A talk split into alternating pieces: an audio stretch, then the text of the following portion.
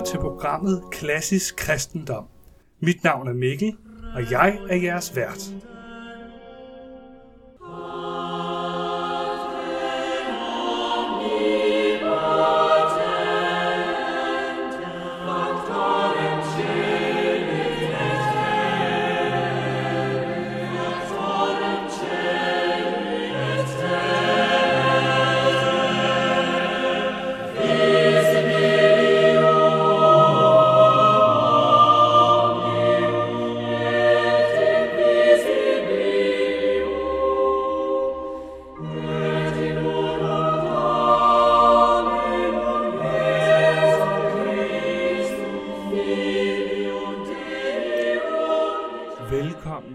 Femte episode af Klassisk Kristendom.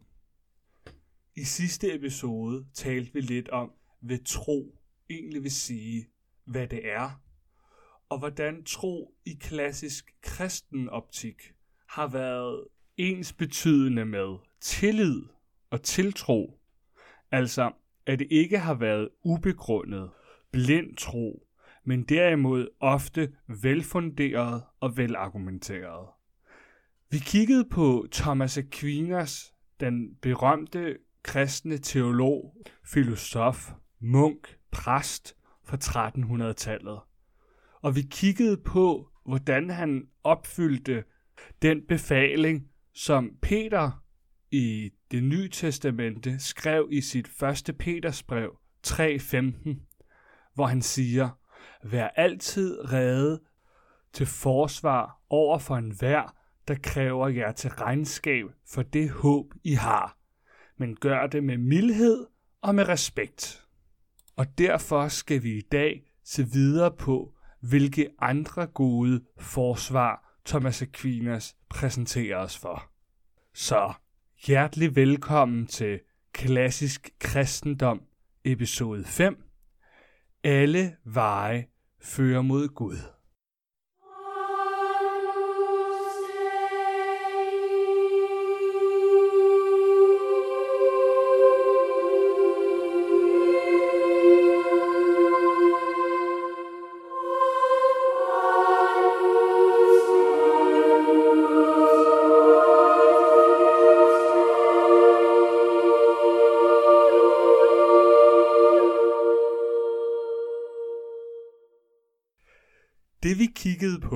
Sidste afsnit var nemlig den såkaldte første vej, som Thomas Aquinas præsenterer. Han har i alt fem veje, fem måder at pege hen imod Guds objektive eksistens. Vi kiggede på den første vej, hvor i Aquinas beskriver, hvordan at intet er i stand til at sætte sig selv i bevægelse. Med andre ord, noget i stillestand, noget der er upåvirket, har ikke kraften til ved sig selv at sætte sig i gang. Hvis en genstand har en mulighed, et potentiale for noget, så må dette potentiale, den her mulighed, lade sig virkelig gøre af noget andet. Det kan ikke fortsætte for evigt. Vi når frem til en første ubevæget bevæger. Jeg brugte billedet af dominorækken, hvor den ene brik vælter den næste, som vælter den efterfølgende. Men fordi enhver brik er sat i bevægelse af den forrige, så når man nødvendigvis frem til den første brik, der væltede. Og i det, at denne brik ikke selv kan være væltet af nogen anden brik, må der være en højere årsag, en brik eller en årsag, der ikke selv er forårsaget. Med andre ord må der være en hånd eller noget, der har kraften til i sig selv at bevirke en årsag. Det kunne være en bevidsthed, som i sig selv har viljen til at kunne forudsage effekter og årsager, uden at være påvirket af noget, uden at være afhængig af noget andet end sig selv. Og det er det, vi mener med Gud, siger Thomas Aquinas.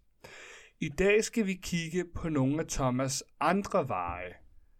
For hvor jeg udlagde den første vej som den ene årsags afhængighed af den bagvedliggende årsag, og så fremdeles, så er der i Aquinas tredje vej et lidt dybere spørgsmål på spil. Lad os prøve at kigge på det. For hvis vi ser os omkring og iagtager alt det, der eksisterer omkring os, det kan være telefonen, vinduet, dig selv, menneskene omkring dig, jorden du står på, så er det alle sammen ting, der ikke eksisterer med nødvendighed. Hvad vil det sige? Jo, altså med andre ord, det er logisk muligt, at de ikke eksisterede. Den telefon, du har i lommen, for eksempel, den eksisterer og er i din lomme. Men den kunne også ikke have været der. Det er ikke logisk nødvendigt, at telefonen skulle eksistere.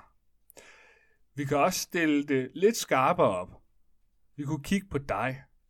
Du eksisterer, fordi to andre personer kom sammen, skabte og fødte dig.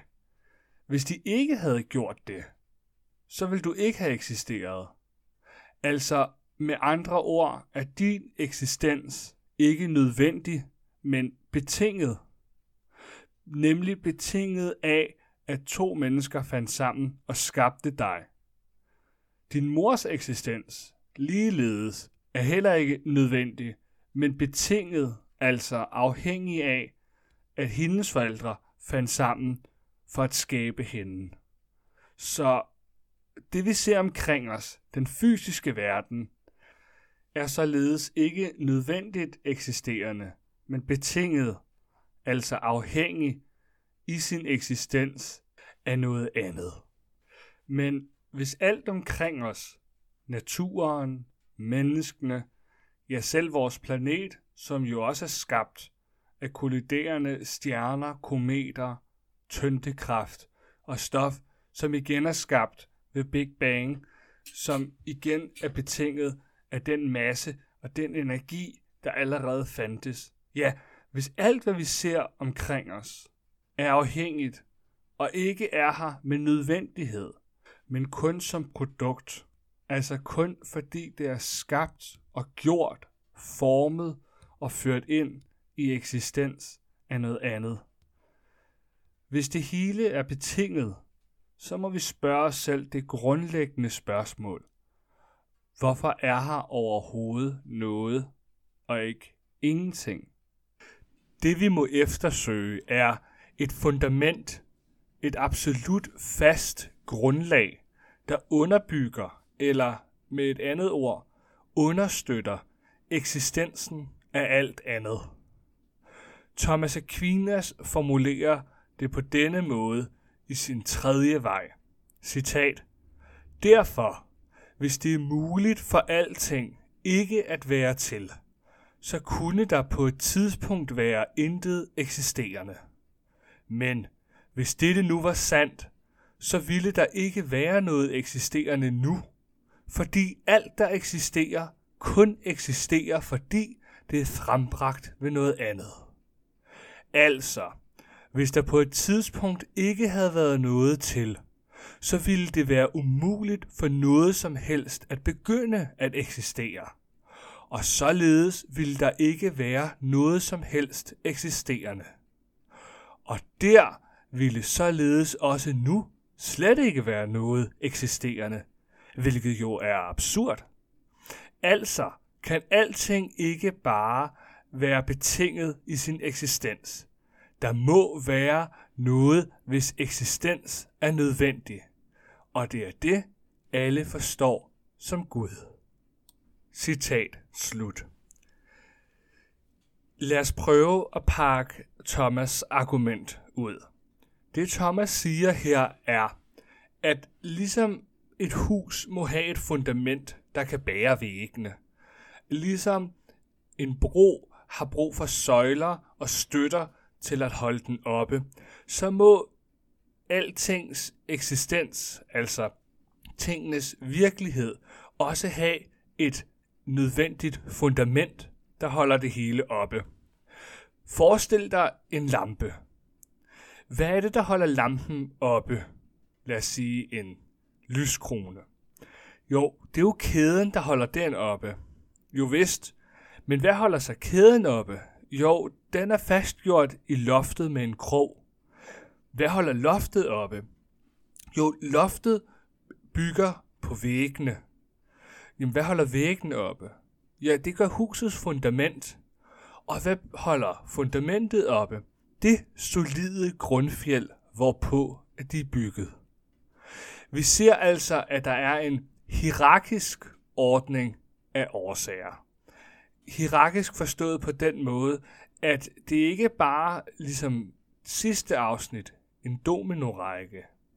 Nej, der er ligesom højere og lavere årsager, nogle der er vigtigere end andre.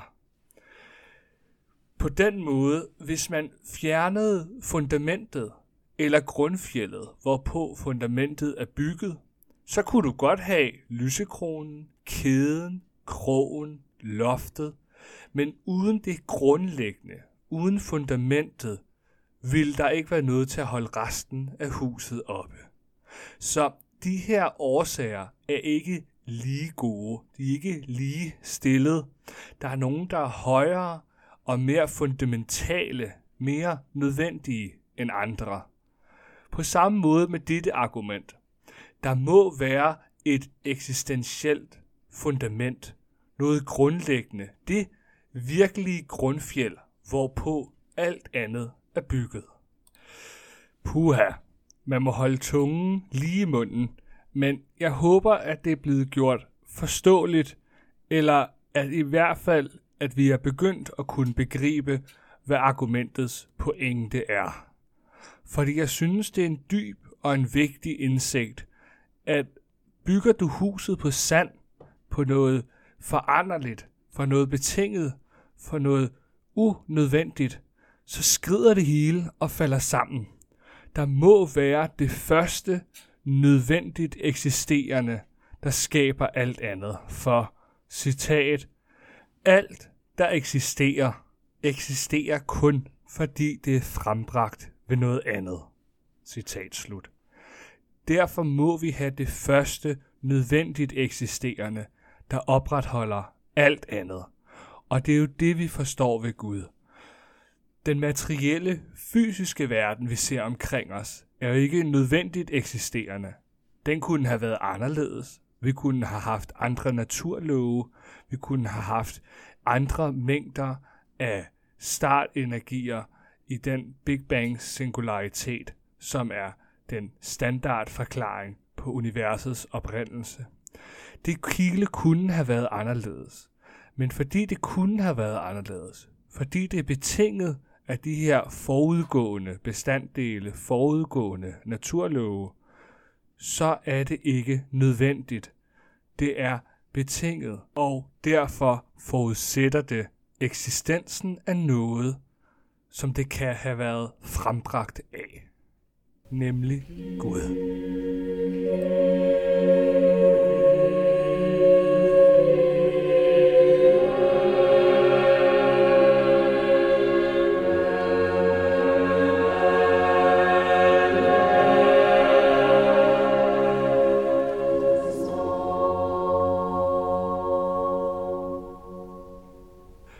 Dette var Thomas Aquinas tredje vej, argumentet fra afhængighed eller betingethed. Og det er jo unægteligt en smule abstrakt og svært fatteligt.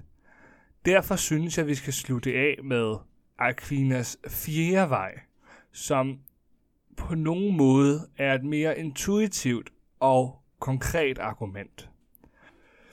I Aquinas fjerde vej vil han gerne have, at vi ser på ting, der indeholder grader af godhed, sandhed, edelhed.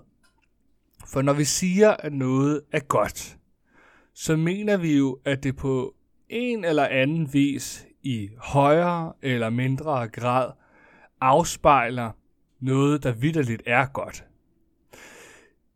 Altså, Aquinas efterspørger en standard. Når vi siger, at han er en god mand, hvad mener vi så egentlig ved det?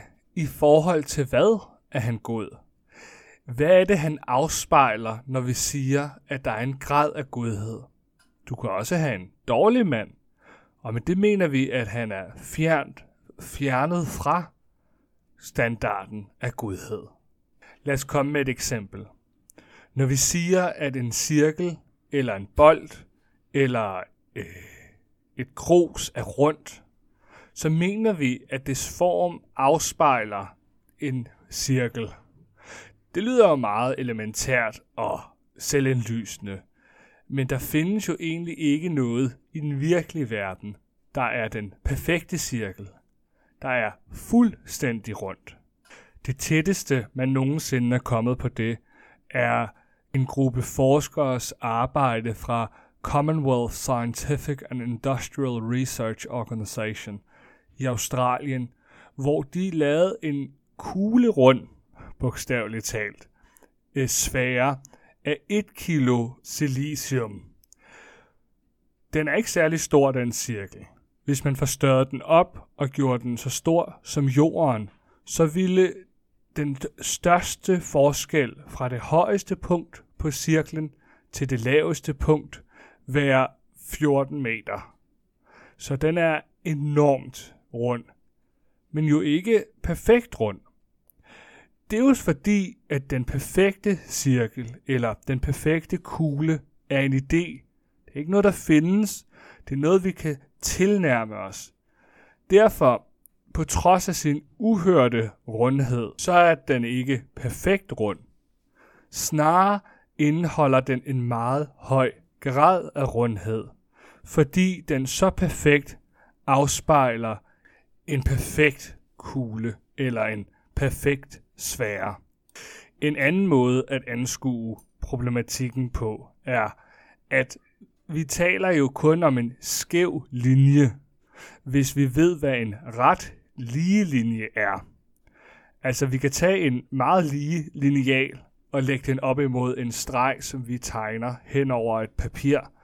Og der kan vi jo se, at vores linje ikke er helt lige. Men det er jo kun i sammenligning, eller fordi vi kender til en helt lige linje. Altså indeholder den linje, vi har tegnet, kun en grad eller en vis mængde, en vis lighed af den lige lineal. Men hvad i alverden har det så med Gud at gøre, kunne man spørge. Jo, Aquinas skriver her i sin fjerde vej, citat, Den fjerde vej er taget ud fra graden af godhed, der findes i ting. Blandt ting er der nemlig nogen, som er mere, og nogen, som er mindre gode, sande, edle og så fremdeles.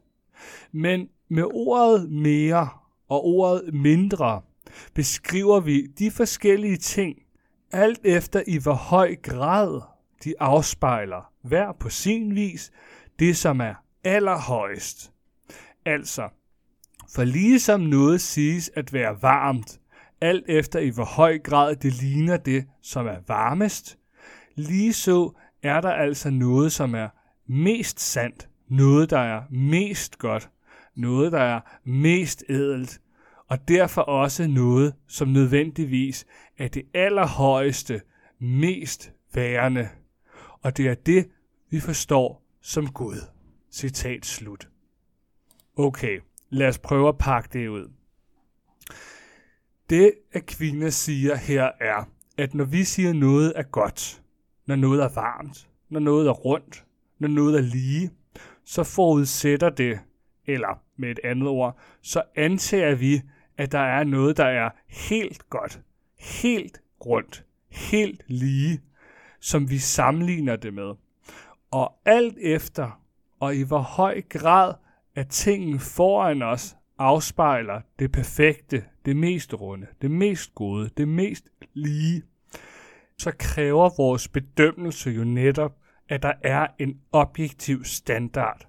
Altså, at der er en reel, virkelig målestok hvormed vi kan udsige vores dom. Er der ikke noget, der er en lige linje, så er der heller ikke nogen skæv linje. Er der ikke noget, der er enligt og virkeligt godt, så kan vi heller ikke dømme noget andet mere eller mindre godt. For der er jo ikke noget i forhold til hvilket, at det er mere eller mindre godt. Et andet hverdagseksempel, vi kan bruge til at forklare dette, vil være hi-fi. Forkortelsen hi-fi i forhold til musik og gengivelse af lyd står for high fidelity. Det betyder høj troskab. Altså, hvis man tager en live-koncert, den egentlige udførelse af musikken, som bandet præsterer, det er den standard, altså den målestok, vi kan bruge til at dømme optagelsen af musikken.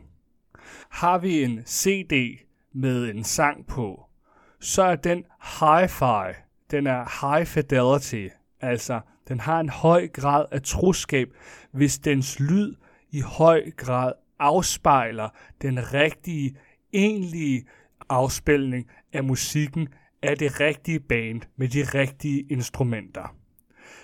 Så er det hi-fi.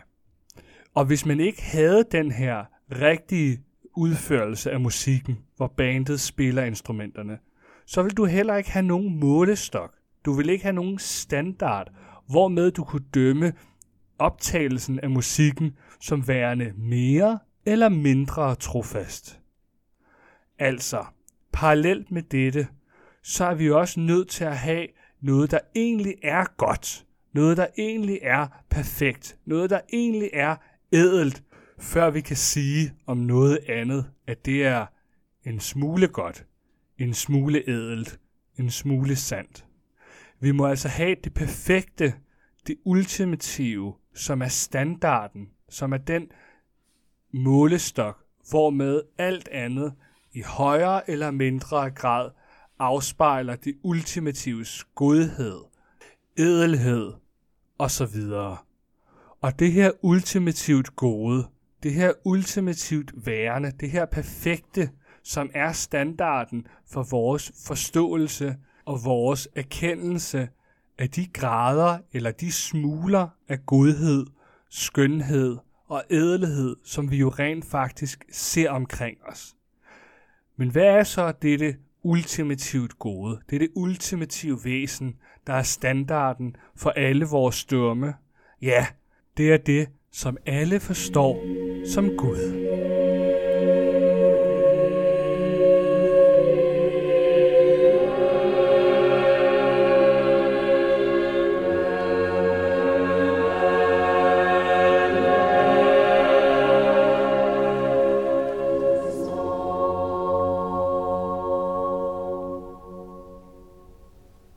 Dette var Klassisk Kristendom, episode 5.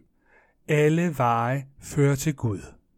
Jeg håber, I har lyttet med og har ladt jer provokere, interessere, belære og ja, måske også behage af disse dybe og udfordrende tanker, der på trods af at være, ja, i nogle tilfælde mere end 2.300 år gamle, og for Aquinas vedkommende 800 år gamle, så er de stadigvæk udtryk for dybe indsigter i verdens beskaffenhed og indretning.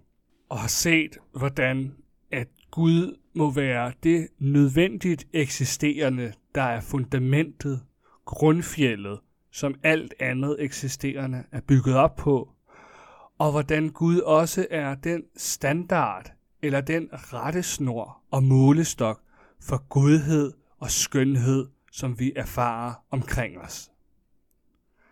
Jeg håber, at I vil følge med næste gang, hvor vi tager et lidt lettere, men også på nogen måde sværere emne op, nemlig faste. Nu på onsdag den 26. februar 2020 er det nemlig Aske onsdag, der indvarsler 40 dages faste frem mod påsken. Fasten er jo ikke et krav, men en nyttig disciplin der i klassisk kristen optik har været et vigtigt værktøj for de troende. Så jeg håber, I vil følge med næste gang, når vi skal snakke om fasten, og indtil da kan I sende spørgsmål til klassisk kristendom gmail.com eller gå ind på vores Facebook-side Klassisk Kristendom og følge med og stille spørgsmål. Indtil da, Guds fred.